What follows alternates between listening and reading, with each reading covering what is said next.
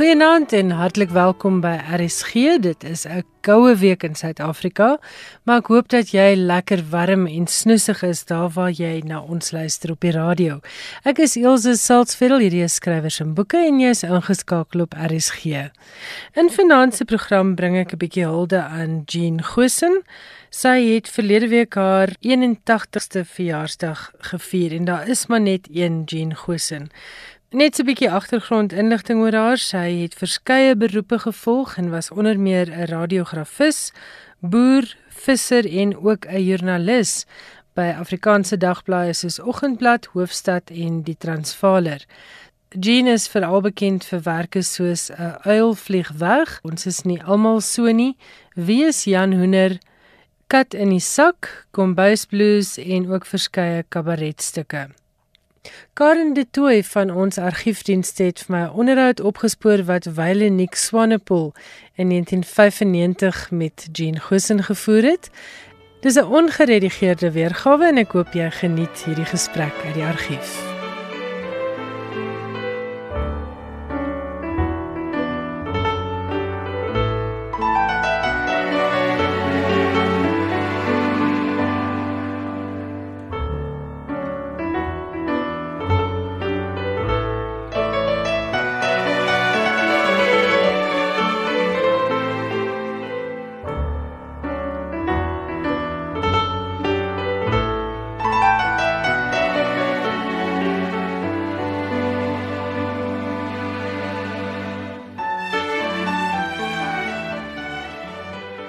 Baie welkom luisteraars by Leeskring. Dit is die laaste program in hierdie jaar en ons gaan vanaand afsluit op 'n baie baie hoë noot. Want ons gas is seker een van die merkwaardigste persone in die Afrikaanse letterkunde, so glo ek. Maar kom voordat ons ons gas voorstel, wil ek net dit vir u sê. Dit vir u lees. My ma is 'n boete bos vol kleuterverhale. 'n kers wat dor en droomloos drup. 'n roos wat taai gelewe is aan drome. As ek haar nie neerskryf nie, is ons sonder geskiedenis, sonder verlede. Ek sal my ma neerskryf, want sy is my geskiedenis. Baie welkom aan Jean Gosen. Hallo Nick. Ek wil net sê Jean, dit is seker vir my die mooiste beskrywing van 'n ma wat ek ooit in in die Afrikaanse letterkunde gelees het. En ek wil hê ons moet vanaand 'n bietjie daar begin by jou ma en jou pa en jou broer. Vertel ons van daai wêreld en van hulle. As ek oor my ma moet praat, sal die lirieke uh koning Salomo se uh uh uh, uh liedere oorskry. Hmm. Uh Nick, my ma is 'n vrolike mens, maar wat tog ernstig nadink oor dinge. Sy is so wys soos 'n hoop kompos. Sy aanvaar niks op gesigswaarde nie. Op 82 bevraag bevraagteken sy steeds. Ek het my daar by haar geleer. My verset ook van haar ge geërf. Sy is slim met 'n goeie kop vir syfers. Sy is ook mooi en donker en misterieus met 'n eislike humorsin. Sy is behep met job. Ek dink dit is verset wat haar steeds laat regop huppel. Sy sal, ek dink, my ma sal eendag met voorskoot en sigaret en al deur die poorte gelaat word sodat sy lemoenbome kan plant en vis kan bak. Wat 'n grand ou lady. As sy die geleenthede gehad het, sou sy Edith Piaf onder die emmer ingekoer het. Sy is 'n grand ou jaardbesem sonder maagsade of boosheid. Heil. Mag daar perde wees in die hemel. Want dan sal haar beker oorloop. En as hulle nie daar is nie, sal sy wel die apostel omkoop om hulle vir haar in te voer. Sy sal hulle afrig en met die vrugte van die boom van wysheid voer vir breakfast. Dis my ma. Baie grand ou lady. Lieflike mens, ek wens ek kon haar ontmoet. O, oh, jy mis iets. Ons moet 'n plan maak. Ek dink so. 82 sê. jy. 82 nou. En as ek sê sy huppel nog vrolik rond. Ek dink is daar verset wat aan die gang hou hoor. Ja. En hy verset wat jy nou self erken het, wat jy by haar geërf het. Daar is mos 'n verset in jou teen sekere dinge. Ja, seker. Jy weet as hulle op my pad kom, dan dink ek uh bevraagteken ek, soos my ma. 'n Sekere maar gene, 'n genetiese ding, jy weet. Ja. Ek weet nie. Hoorie in ehm um, jou pa? Want hy moet ook iets besonders wees om by daai merkwaardige vrou. Wel, hy was 'n nikkerige, goeie man, baie rusteloos en baie artistiek. Miskien 'n bietjie ornamenteel, maar tog op 'n manier sag soos 'n voorspeer, jy weet. Op die oog af was hy 'n soort van 'n stroewe oom met 'n hoed en 'n plantstig in sy hand. En tog ook 'n man wat uh, kon huil as hy mooi musiek hoor perfeksionisme wat hy's 'n perfeksionis wat vakmanskap bo alles gestel het. Noodwendig moes ek en my pa bots. Hy wou dat ek of ons dan presteer. Ek was miskien die verkeerde perd waarop hy sy geld gesit het. Met ander woorde, nou kan jy aflei, dit was 'n huis vol atome. Alles en almal het gebots en nie een wou op sy staan nie. Die vakmanskap waarvan jy gepraat het. Wat het hy gemaak? My pa het huise ontwerp. En soos ek gesê het, baie ornamenteel, jy weet, hierdie uh, takkies drywe en engele en daai soort goed. Hy was hy was eintlik 'n esteet. Maar 'n marvelous ou kerel, hoor. Maar hy was stil, jy weet, jy uh, hy het nie sy eintlik sy darmes ooit uitgeruig soos soos ek nie. Daar's nie iets van hom in Dankie Dromer nie. Nee, hoe genaamd nie. Niks nie. Want daar's ook vir my lieflike karakter. Ja, Dankie vir daai met die hond. Dan kyk dis een van die mooiste goed wat ek visueel, soos ek dit nou gelees het wat ek voor my geestes oog kan sien. dit ek iets ken. van hom. Ja. Ja, dit het iets van hom. Maar jy weet, uh mense maak 'n baie groot fout as hulle my werk as autobiografies sien. Ja. Daar is fasette en fragmente en emosionele waarhede. Maar uh feitelik is dit nie autobiografies nie. En jou broer? Ah, Nick. Hy was my geliefde mens. Hy was 'n intense soort mens en hartstoglik en hy het gloeiende oë en baie vraagtekens. 'n Ou vol onskuld. En 'n man wat wragtig 'n boom op 'n stuk aarde kon anker. Hy was ook 'n deeglike en 'n baie deeglike akademikus met baie van my ma in hom. Jy kom seker agter dat ek 'n mens takseer aan sy vernuf met plante. Ja, ek het jou gevra, daar's iets, daai daai onder tema van Ja. plante, van bome. Ja, ek dink ek het 'n sprokiestuin ge geken en gesien nog voordat ek kon praat. Dit sal my altyd bybly. My mense en hulle tuine.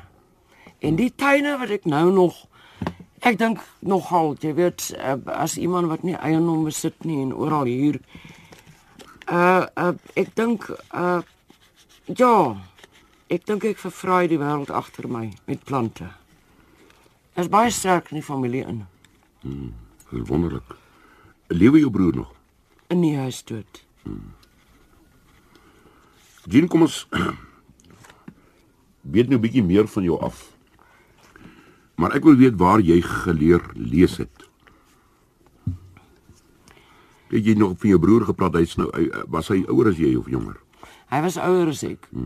So eh, eh, die f- ehm um, feit dat hy nou akademikus was soos jy gesê het dan. Ja, hy as was boeke- ekonom. Hy was ekonom. Nou, wat het jy gelees? Hoe het jy begin lees? Kan jy onthou? Uh uh Nik ons ek kom nie eintlik uit 'n huis uit met baie boeke nie. En uh uh my leesstof toe ek begin lees was eintlik my pa se saadpakkies en uh, uh die kombuisrak, jy weet, etikette op bottels en pakkies. Mm. Ons het so 'n paar boeke gehad, jy weet, die gewone. Mm. My pa se ou Hollandse katekisasieboek. Ek sien die ouer nogal, jy weet, baie goed goed gevaar in die kerk. Uh en uh ons het een boek eintlik gehad, Jane Eyre wat vir my nogal baie beteken het. Ja. En dan goed wat die mormone gelos het daar, jy weet ons is ook maar soos vandag nog uh uh nie lastige geval nie, maar uh, besoek deur mormone en wagtorings hulle en hulle traktaatjies en leesstof daar gelaat. Hmm. En uh dit het dit was my leesstof, maar ek het nie eintlik groot geword met in 'n huis met baie leesstof nie. Dit was 'n baie 'n visuele opset. Die tuin en uh my pa se plante en goed. Ek kon baie goed daarin lees. Wie as ek nou sommer teruggaan dit is daar in die 70 laat 70er jare. Waar ons mekaar die eerste keer gekry het daar in ou uit sy huis in Commissionerstraat. Uh wat was daai digbundel vir jou? Was dit 'n digbundel? Ja. Nee, Jan, nik ek weet nie, gedigte is so iets van my verre verlede. Dis seker maar of 'n uh, ou vlieg weg of orrelpunte. Ou vlieg weg. Ek is ook maar bly die ou blerrie goed het gesterf jy. Jean, wanneer jy begin skryf? Ag man, alle mense skryf van hierso van dat hulle begin skryf, jy weet. Hmm. By my het dit maar later 'n 'n soort van 'n 'n stokperdjie geword. Uh ek kan nie eintlik sê dat ek uh verwagtinge gehad het nie om nou 'n uh, boeke te skryf en sulke dinge nie. My eintlike rigting was maar eintlik uh uh musiek. Ja. Vertel ons 'n bietjie daarvan. Wel ek het 'n lisensiate voordrag eksamens in, in musiek. Uh klavier met 'n um, klarinet is tweede instrument. Maar ek het nooit aan belang gestel om 'n pianis te word nie. Ek wou 'n komponis wees. Uh ek het ook sulke amateur goedjies gekomponeer.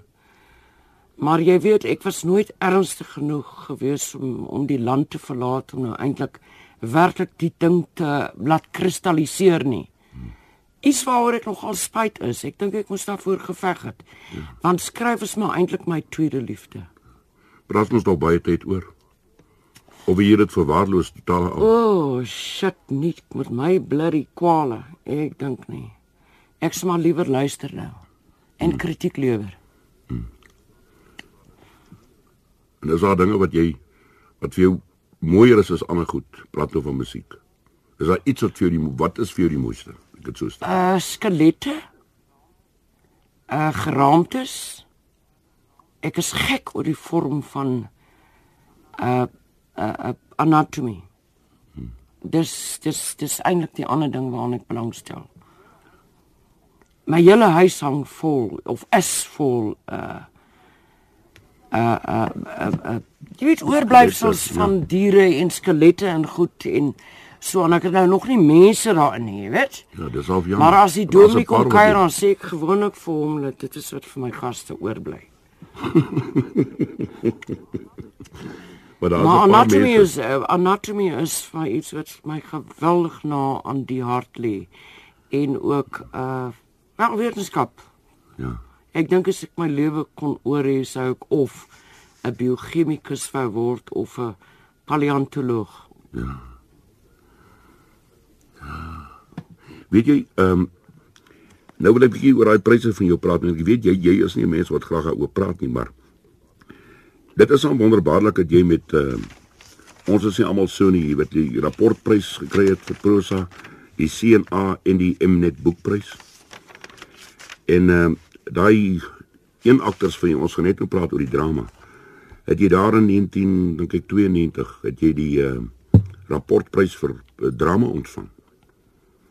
En met daai een van daai stukke in in daai bundel, 'n koffer in die kas Het jy afgesien van die lof hier, het jy ook in Duitsland lof gekry en België en in Nederland en in Engeland. Wat is dit dat jy die drama toe gelos het? Het ek die drama gelos? Ek vra jou. Ja, ek dink so. Uh daar was 'n tydperk, 'n uh, 'n uh, oorgangstydperk binne baie moeilike politieke omstandighede. En dit het dit verleen tot uh die verhoog. Daar was 3 dramas en 2 kabarette. Mm. Uh dit was my wonderlike uh, oefening uh omdat om dramas te skryf is nie so geïsoleerd nie. Uh dit was ook 'n uitdaging.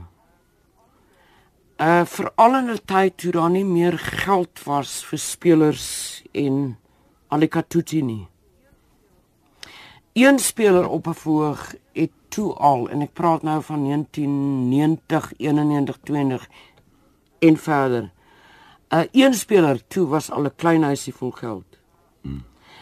Uh vir my was die, het die uitdaging aangelê om vir een persoon te skryf hoogstens 2 omdat dit goedkoper is. Uh dit was ook vir 'n marvelous idee om 'n soort van 'n werkverskaffer te word.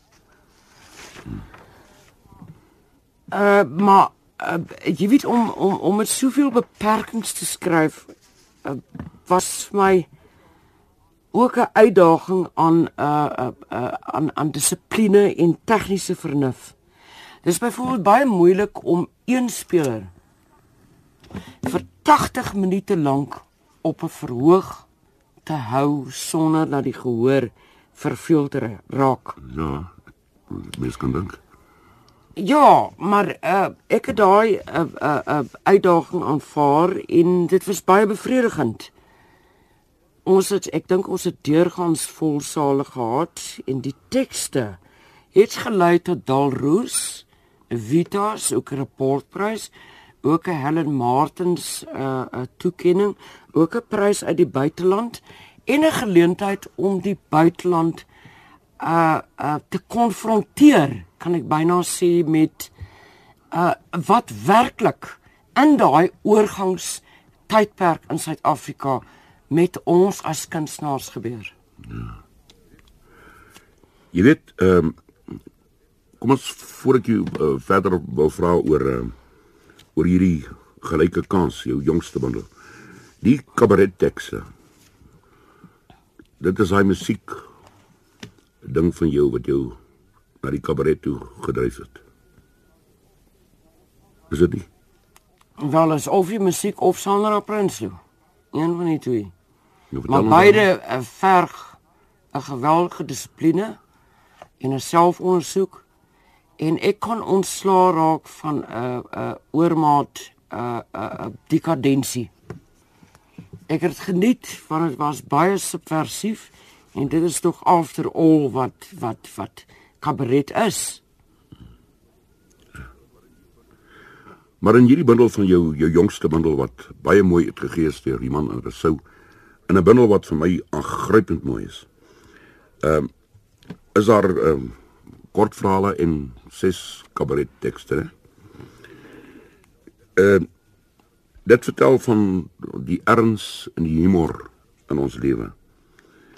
En so vervlug jy die ding dat ehm uh, daar is die alledaagse droefheid van elke mens, né? In die deurmekaarheid van die lewe of dan van jou as individu. Maar wat my so getref het is daai aanvanklik vir die leser daai daai mooi onskuldige stories, daai alwe sprokies wat so ontstellend word. Dis so 'n venster op die op die op die samelewing. Nou wil ek vir jou vra, hoe sien jy die mens? Deur daai venster, hoe sien jy die samelewing om jou? Ek sien nie die mens nie en ek sien nie die samelewing nie. Sloes. Hmm. Maar jy skryf oor jy skryf oor mense oor shanters en stokers en en uh, busdrywers en en begrafnisondernemers. Jy kyk met 'n ander oog as ander mense. Na die mense. So hulle moet jou interesseer. Hulle interesseer my ja omdat uh dit is rouer uh, nik. Uh 'n mens kom baie gouer. Is 'n soort van 'n kort pad om by die murgbene van die lewe self uit te kom. Ek was baie my pa was taamlik snobisties, jy weet. Ek is baie baie 'n uh, uh, pak gegee omdat ek by plekke ingekruip het waar ek waar waar ek nie moes nie. Waar jou pa gedink het ja, dit, ja, jy hoort nie daar nie. Ja. Maar so uh, ja, ekskuus. Ek het baie geleer daar. Maar ook daaraan is daar 'n beperking. Uh jy weet ek dink ek sal nou maar terugkeer as ek weer skryf na uh die meer uh, lou-oon tipe ding. Hmm. Maar ideologies was dit vir my geweldig belangrik om twee boeke van my hart af te kry. Uh ons is nie almal so nie en 'n daantjie dromer. Ja. Wat miskien beskou kan word as gewilde style weens die toeganklikheid daarvan. Maar dit het ook sy beperkings en ek dink dit is nou ook verby. Ja. So deur uh jou verhale het ek iets agtergekom en ek wil jou pertinent vanaand vra. Uh die kind is vir jou vreeslik belangrik. Dink ek. Ja. Wie bietjie daaroor praat. Ek weet nie hoe nie nik. Die kind is net belangrik. Jy weet ek dink die kind ervaar in sy fantasie en erotiese wêreld uh uh dinge wat uh later jy weet 'n taboe word. Ons word so almal in 'n soort van 'n 'n 'n vooringestoot. In uh jy weet die dinge van 'n kind word uh beskou as net 'n groeiproses. Dit is nie ek dink dit beïnvloed die res van mense lewe. En ek wou graag dit belig en miskien daarom uh, uh, dat ek baie uh, uh, aangetrokke voel tot die surrealisme want dit is my 'n fantastiese medium om uh die die waarheid dan by kindfees uh verder te uh, te ontgin. Jean uh die kritici. Hoe voel jy oor hulle? Nee, ek voel nie oor hulle nie. Kyk mens word maar uh, verniel deur hulle. Uh in die algemeen vind ek hulle nogal onbelese en taamlik dom. En dit verbuister my altyd so dat uh, they can display the ignorance Maar met uitsondering van uh, uitsondering van 2 3 daar is hoop dink ek. Maar ek kan ek kan nie bekostig om my te steur aan kritisie nie. In Afrikaans, hoe voel jy oor Afrikaans? Uh ek voel nie oor Afrikaans nie. Ek dink dit is 'n taal wat sal bly leef omdat dit die taal is van arme mense. Ehm um, dit is my wel belangrik nou om weer uh Afrikaans te probeer reg praat in 'n tyd wat jy weet wat niemand doen dit meer nie. So dit is nogal ondermynend om Afrikaans korrek te probeer praat. Uh ek skryf nou weer soos my vorige werker voor ons nie almal so nie. Skryf ek nou weer 'n soort van 'n skoon Afrikaans. Uh daar is 'n aardige gebeur, weet jy, dat ek vind uh uh dat ek baie stroef word in Afrikaans baie ernstig en die humor verdwyn. Ehm um, maar dit bied vir my baie meer moontlikhede om in 'n skoon Afrikaans te skryf. Noodwendig kom daar 'n groter veelsidigheid aan die bod. En jy kan psigologies soveel uh dieper delf maar daarmee wil ek nie beweer dat die mense in ons is nie almal so nie en dankie dromer uh uh uh, uh oppervlakkig is of of net uh, uh jy weet eendimensioneel is nie. Dit is dis dis nie wat ek bedoel nie, maar dit kan so gelees word. Uh so dit is nogal vir my 'n probleem. Uh maar ek vind self dat uh as ek in in in, in dit standaard Afrikaans skryf dan is dit nie meer in die eerste persoon nie, dis in die derde persoon en uh daar is 'n bepaalde erns wat intree wat uh nogal my veelsidigheid as 'n uh, skepne uh, persoon uh benadeel. Nou dit is iets tegnies weer, né? Nee? Soos die drama storie ook was. Dit was maar iets tegnies, 'n probleem wat ek moet oorkom. En dit is nou ook so. Maar Afrikaans is vir my stroef. Ek weet nie of dit die mentaliteit is wat Afrikaans in hom ingebed het nie. Ek weet nie, maar ek voel nie ontuis in Afrikaans nie allermins. Ek voel nie dat uh daar's 'n baie belangrike komponent wat onmiddellik verdwyn en dit is humor. Jy het uh, vroeër vanaand vir my gesê en dit was vir my ontstellende 'n ding wat jy gesê het. Jy het gesê Jean Gosen gaan nie meer skryf nie. Wel, jy weet nik ek het uh na myself in die spieël gekyk. Letterlik, hoor. En ek dink nie dat ek my hele lewe lank net wil sit en stories skryf nie. Nou wat doen jy man? Wel, kyk hoe lyk ek, nee. Ek moet my grasperk sny met 'n kombuisker. En as my gaste in die winter kom kuier, moet ek komberse uitdeel want ek het nie 'n verwarmer nie. En dit lyk vir my as ek aanhou skryf as 'n microwave byvoorbeeld jy weet, dit is my net nie beskore nie. Uh Ek weet nie wat is so waffers daaraan of romanties daaraan om jouself 'n skrywer te noem. Uh, dis harde werk in die eerste plek. Jy speel skaak met jou lyf en jy beklei gedurig teen die monster van gemiddeldheid. Uh my ma het gesê, uh, goed sy het my aangemoedig om 'n skrywer te word, maar sy het dan wragtig gedink dat ek eendag soos Barbara Cartland ook jy weet met met 'n pil sal sit in in in in tafsy. Jy weet so ons het vir aandete.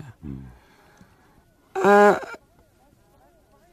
Dis baie en daai soort ironiese opmerking.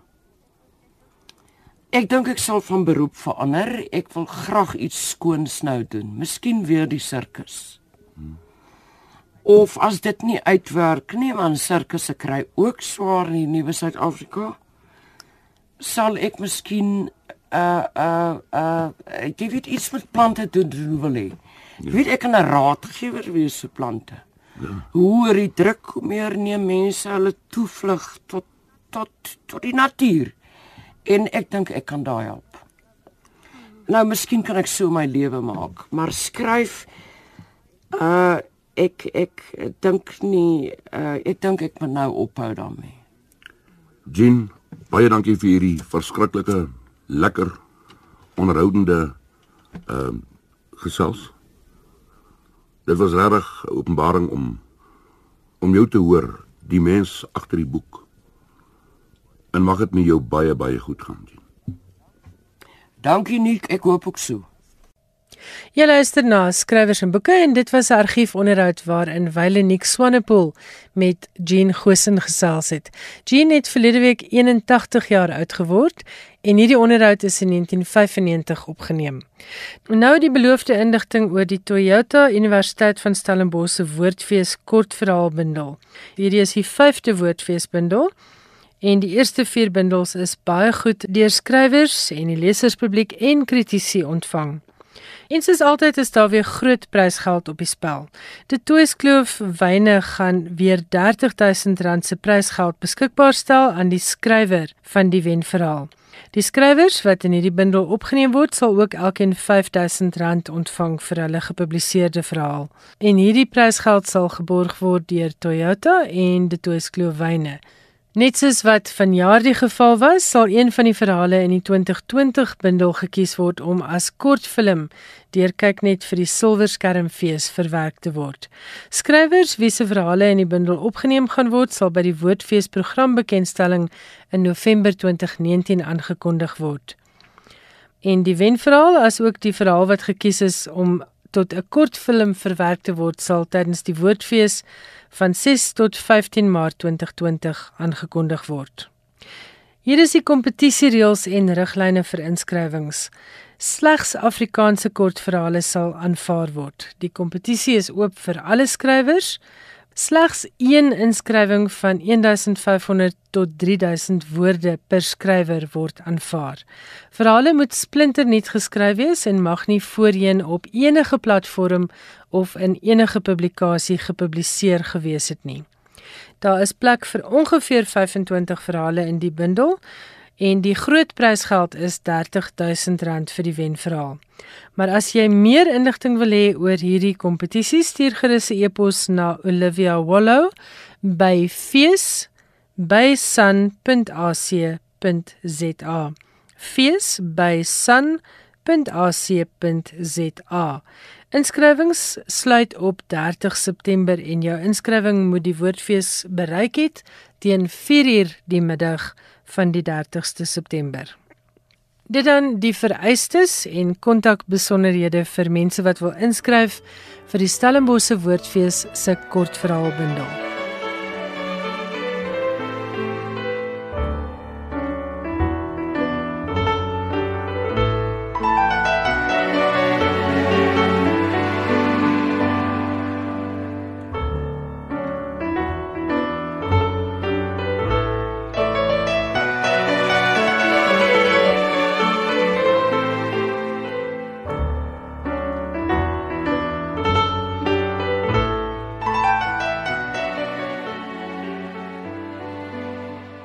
Johan Meiberg is nou by my in die ateljee met sy weeklikse internasionale insetsel en eerste aan die beurt Johannes daai prys waarvoor baie skrywers hulle linkerarm sal gee en dit is 'n uh, 'n hele vat bier as deel van die prys. Vertel vir ons daarvan.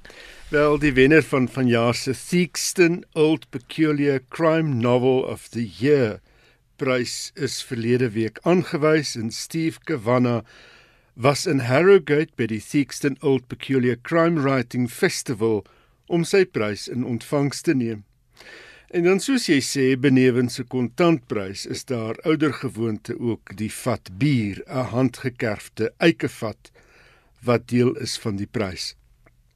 Kavanagh, 'n Ierse skrywer wat deesdae in Dublin woon, het die prys vir misdaadfiksie gewen met sy roman 13 uitgegee deur Orion.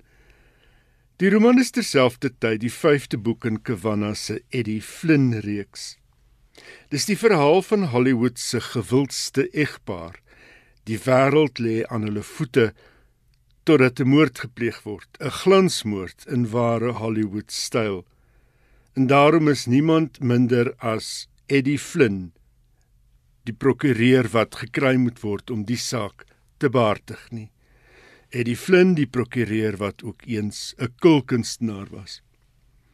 Kavanagh se mededingers op die kortlys was Snap van Belinda Bauer, Val McDermott se Broken Ground, Nick Herron se London Rules, Liam McKilveny se The Quaker en Kurum Rahman se East of Hounslow. Dit klink almal na leeswaardige boeke. Ek dink jy het iets gesê vroeër in 'n paar programme gelede oor Snap. Snap. Ja, ja. So mense moet uitkyk vir die name op daardie lys. Dis deel van die ek dink hierdie hierdie pryse is die wenner. Ja, inderdaad, die wenner die prys, maar die mense wat saam op die kortlys was is is almal inderdaad dan lesenswaardig. Goed en dan is dit Paulo Coelho, wat het hy nou weer gedoen? Wel, die skrywer ter sprake in die volgende storie is die Brasiliaanse skrywer Paulo Coelho. Maar eintlik gaan die storie oor vertaling. Coelho is die skrywer veral bekend vir sy allegoriese roman vertaal as The Alchemist waarvan meer as 350 miljoen eksemplare wêreldwyd verkoop is. Die Turkse uitgewer van Coelho se boek wat in Engels vertaal is as 11 Minutes het die Turkse vertaling onttrek nadat verskille in die oorspronklike teks en die Turkse vertaling aan die lig gekom het. In die Engels vertaling van die oorspronklike Portugees staan daar op een plek She went into an internet cafe and discovered that the Kurds came from Kurdistan, a non-existent country now divided between Turkey and Iraq. Die Turkse vertaling maak van die tweede helfte van die sin en ek gee dit weer in Engels. It was written on the internet that the Kurds lived in the Middle East. Waar en wanneer die vertaalblaps ingesluip het, weet niemand. Die Turkse vertaling het in 2004 verskyn en daar was soveel as 38 herdrukke van die boek. Die diskrepansie het nou eers aan die lig gekom toe lesers op Twitter daarop gereageer het. En die uitgewer het gesê die fout sal reggestel word. Die kwessie ter sprake hou verband met die spanning tussen die Turkse regering en die Koerdiese bevolking, die land se grootste etniese minderheid. Die gebruik van die woorde Koerd, Koerdies en Koerdistan was jare lank verbied in Turkye. Die verbod is later wel opgehef. Tog het die Turkse parlement so onlangs as 2017 'n resolusie aanvaar wat enige verwysing na Koerdistan ontoelaatbaar maak in die parlement. Die vertaler van Coelho se boek Ene Sadat Ösen het gesê sy het geen benul hoe die vertaalfout plaasgevind het nie. Sy het na ander van haar vertalings verwys waarin sy wel praat van Koerdistan. Ek het probeer terugdink of ek toe tydens die vertaling anders oor die saak sou gedink het, maar nee, ek dink nie so nie. Beginsels is wat ons red in tye van onsekerheid, het sy gesê. Vertaling loop altyd hand aan hand met interpretasie, maar sensuur is buite die kwessie. Ek het my nog nooit aan die kant van sensuur geskaar nie. Die vermoede is dat die fout ingesluip het tydens die redigering van die manuskrip. Hoe dit ook al sê, dit klink vir my baie so sensuur. Die vertaler het gesê sy het nie sensuur plaas Ja, maar die, maar die klink of die redigeerder ja, het. Ja, definitief. Sjoe. En interessant dat dit wel uitgekom het want dit beteken iemand het die manuskrip in Portugees gelees en Moet nooit lesers onderskat nie. Ja, ja. Goed, en dan het jy iets oor Alice Walker en as my geheue nou reg is, is dit die skrywer van Purple, The, The Color, Color Purple. Purple. Hoewel die Amerikaanse skrywer Alice Walker al vroeër vanjaar 75 geword het, het die mense van haar tuisdorp Eatonton in Georgia onlangs hulde gebring aan die skrywer, digter en gemeenskapsaktivis. Vir haar roman van 1982, The Color Purple, het sy onder meer die Pulitzerprys gekry. En die eerste gebruik van die woord womanist as aanduiding van 'n swart feminis word aan haar toegeskryf. Die hoogtepunt van die viering in Eatonton was sonder twyfel medeskrywers wat werk voorgeles het van Walker wat 'n groot merk op hulle gemaak het. Vanjaar se wenner van die Women's Prize, Tayari Jones, het voorgeles uit Walker se Meridian van 1976. En die digter Camilla Aisha Moon het die gedig How Poems Are Made voorgeles. Walker was ook in gesprek met Valerie Boyd, akademikus, skrywer en medewerker aan Gathering Blossoms Under Fire: The Journals of Alice Walker wat volgende jaar verskyn. En toe kom Alice Walker ook vorendag met die woorde oor hoop. When we get to the edge of the cliff and it's terrible, we don't see how we can go forward. This is a nightmare Our children are committing suicide. The drug situation is horrendous. The leadership is dreadful. Though all of that, what can you do? Well, my feeling is one thing you can always do. If you can move even a finger, you can dance. En ons gaan nou luister na Alice Walker. Ja, dis Alice Walker wat in 2008 toe sy haar argief bemaak het aan die Emory Universiteit in die FSA, het sy voorgeles uit The Color Purple en sy het ook 'n bietjie gepraat oor haar skryfwerk. En hier is dan die stem van Alice Walker. I feel a little peculiar around the children. This is it's uh, Seeley talking. I feel a little peculiar around the children. But one thing, they're grown, and I see they think me and Nettie and Shug and Albert and Samuel and Harpo and Sophia and Jack and Odessa real old and don't know much what going on. But I don't think us feel old. I don't think us feel old at all. And us so happy. Us so happy. Matter of fact, I think this is the youngest us ever felt. And this one, uh, at the end of it, is I thank everybody in this book for coming because it was such uh, a transcendent experience to write, to be absolutely in the company of ancestors within myself, um, primarily, I think, and, and archetypal ancestors. And um, it was just joy. It was a year of swimming in every river I could find and sitting under every tree that I loved and uh, being in love. I found that being in love is wonderful for creativity.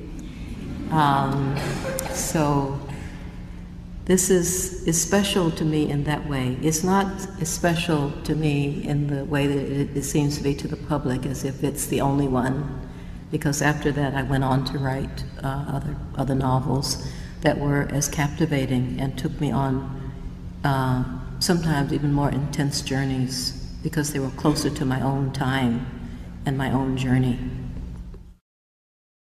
You go through doors. A door closes, as they say, and another opens.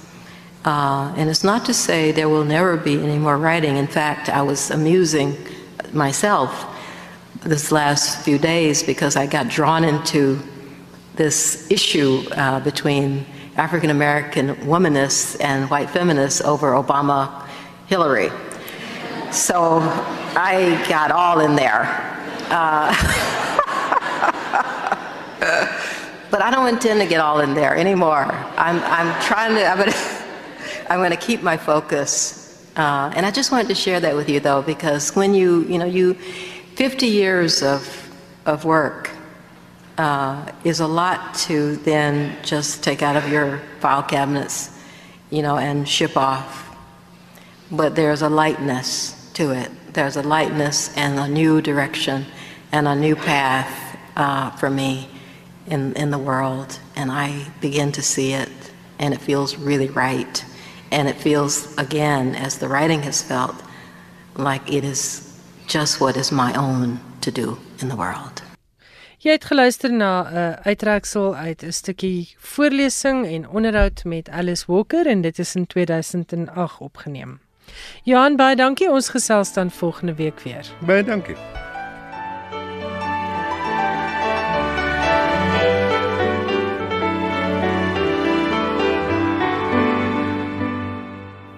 Ongelukkig het ons nou aan die einde gekom van Finansies Skrywers en Boeke, maar ek hoop jy die program geniet.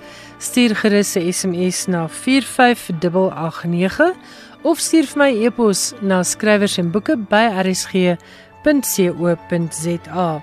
En onthou volgende Woensdag aand om 8:00 is ek terug en dan is dit tyd vir nog 'n uitsending van Skrywers en Boeke. Tot dan, geniet die koue, bly warm en ek hoop jy het 'n hele stapel lekker leesboeke. Totsiens.